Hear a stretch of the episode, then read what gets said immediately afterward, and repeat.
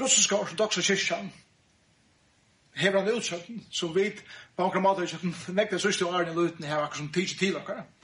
Og det er hettar at presteren påska sundag morgon kommer opp i talarsålen og han sier vi samkomna han er oppstegen og så sverar öll samkomna atter ja av sånnom han er oppstegen og hadde vi det vært fysisk sammen det så hadde vi kunna sagt hattar.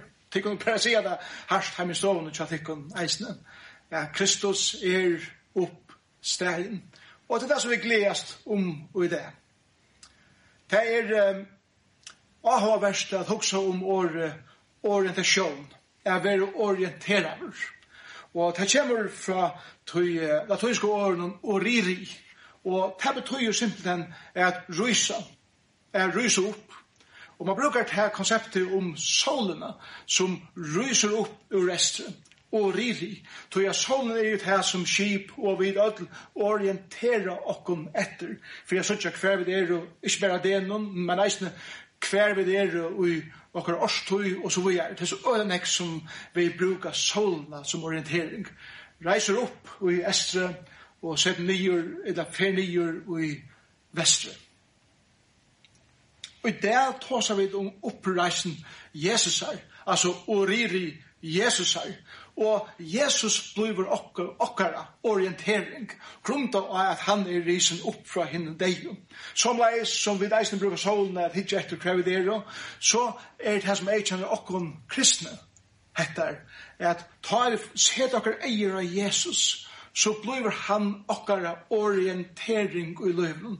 Han er han som vil halda okkur til, han er han som blir okkara kompass, og tar vi et vujtje alai, og vi ikke vidar hva det er i løyvnen, etla øtter kommer inn, iver kommer inn, etla vi vil rakt av okkron så vi ikke kontroll heva av, så vidar vi at det er eit sted affæra til, og det er han som er opprisen og blir okkara orientering.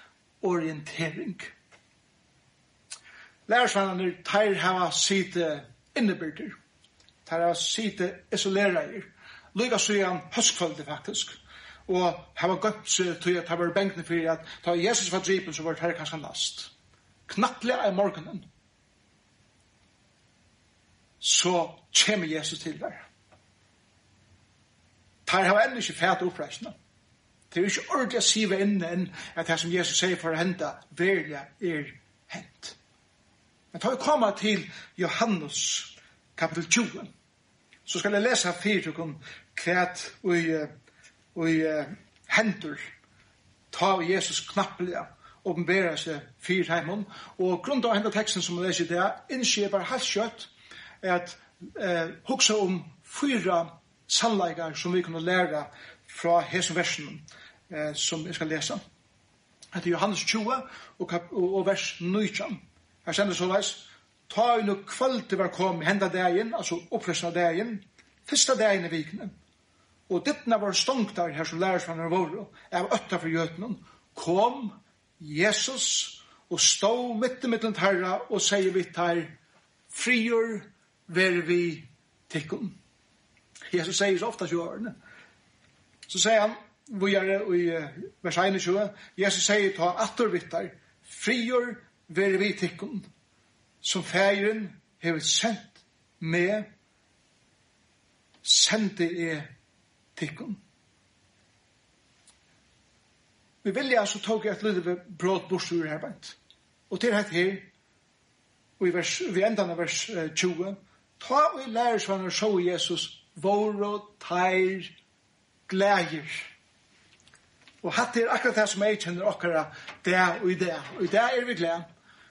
Lika mykje om vi divast, lika mykje hver vi er i løyven, lika mykje under bensje for korona og så nekken øren, da det kommer til fortsatt vidskifte og alle pakkene som var gjørt, og alle tingene som vi divast og nær alt for oppnatter og løyve blir eh, normalt for oppnatter, så kommer Jesus av samme hatt som han kom til lærersamme, til okken i det, inn i okken stover, og sier, frier, vere, vi, tikkum. Så jeg vet, og vi trykker at Jesus er opprisen fra henne deg. Så trykker vi at han lever i det, og han kommer atter og atter inn i okra sover, inn i okra loiv, og bærer seg, og teskar inn i okra øyre, frigjør være vi tikkum. Og det gjør okken glede. Og det første av det som vi lærer i sin teksten om, det er etter at trygg er sterskare enn øtte. Og allit av Jesus er størskare enn øtten fyrir øtlun som vi kunne være bengi fyrir og i okkara løyve. Lærersvennar i oss. På det gamle høyder av antrykk, for Jesus sier ofta vitt her, hvor vi tryggva det ikke. Det betyr ikke at her hadde sleppt alle her sikv. Det betyr bare det at her, her var her løyene hver kjenslene tog og ivor til at kviler i Kristus. Minst jeg sier for noen viker søgjene at det er ikke mongten av akkurat trygg som vi skal lytte av, men hvem vi setter akkurat trygg for, og til Jesus Kristus. Her er lærer som en støve, hver, kan man si, mongten av trygg er minimal.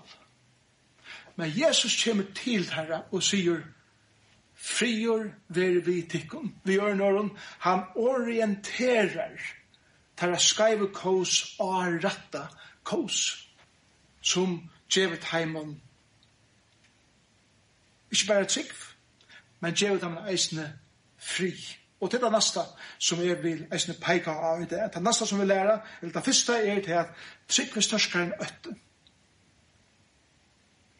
Så gjerne ta i vid, vid få eh, trunna inn i okra liv, altså at hon vekser og hon blir eh, mer grunta så kvarver øtte mer ut, og hva kommer i stedet for øtten? Det er ikke tomrum, frigjør kommer inn i okkara liv. Frigjør betyr ikke til at vi sitter på å fria liv.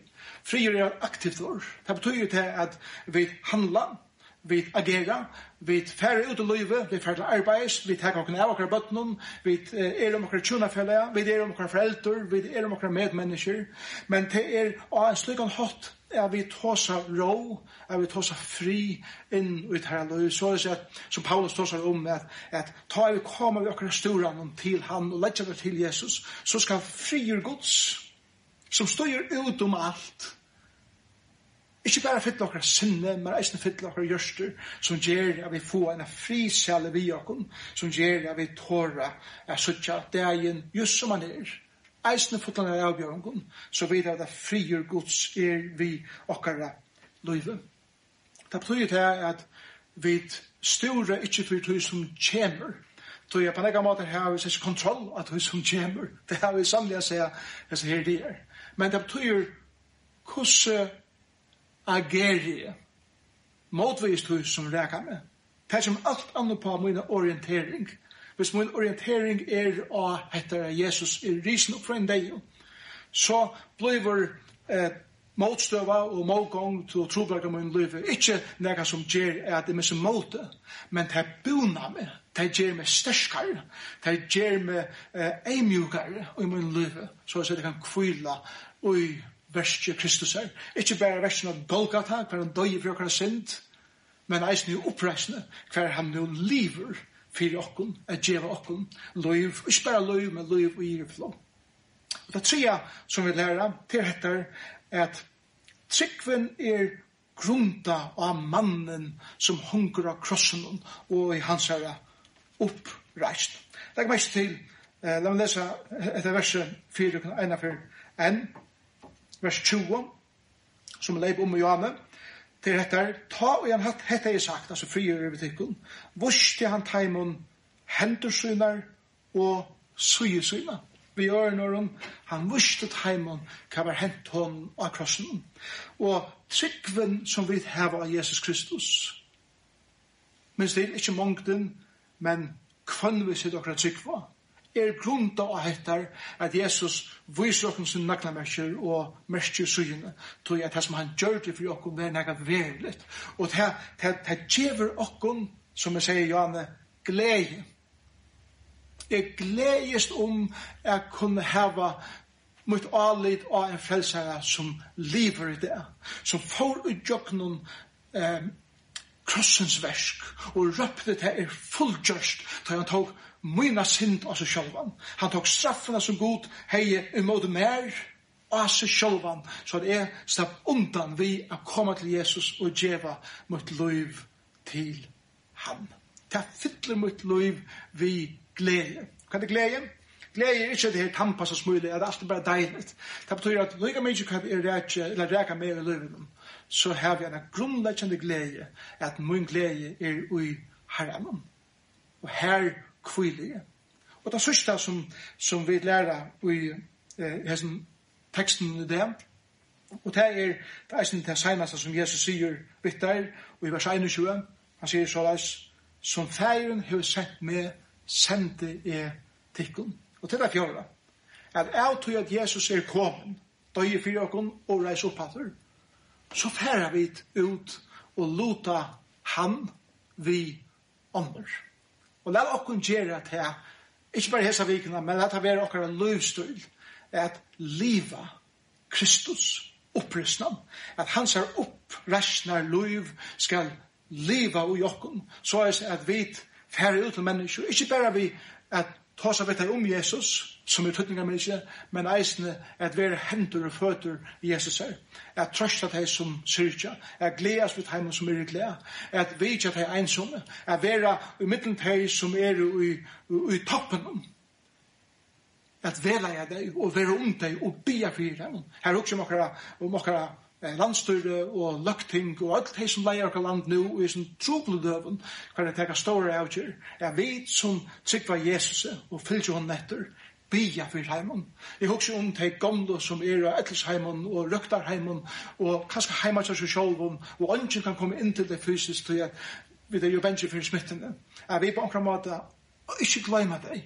Er vi eh, rinja til det, eller skriva til det, og, og, ella ferra og standa utanfor og tosa vit vitt her kjøkken vindaget, fer vita, ella heslu vita, at vit er her fyrir deg. Eg hugsa eisini um familienar sum kanska strøyast vi at få endana røkka saman, at vi på akkurat måte hjelpa, alltså rent fysiskt hjálpa vi har gjort dem mät eller vi har stolat dem eller vi har tröstat dem och vi har vitt dem så att de føler at hese som kallar fyrir för etterligare Jesus er ikke bare nækka som er et heite, men det er nækka som er et liv. Til det som betyr, da Jesus sier, som ferien sendte med, sendte er tikkun, og vi er hans herre lærersanar som fer nu ut at boa livet som han har utgivet okken.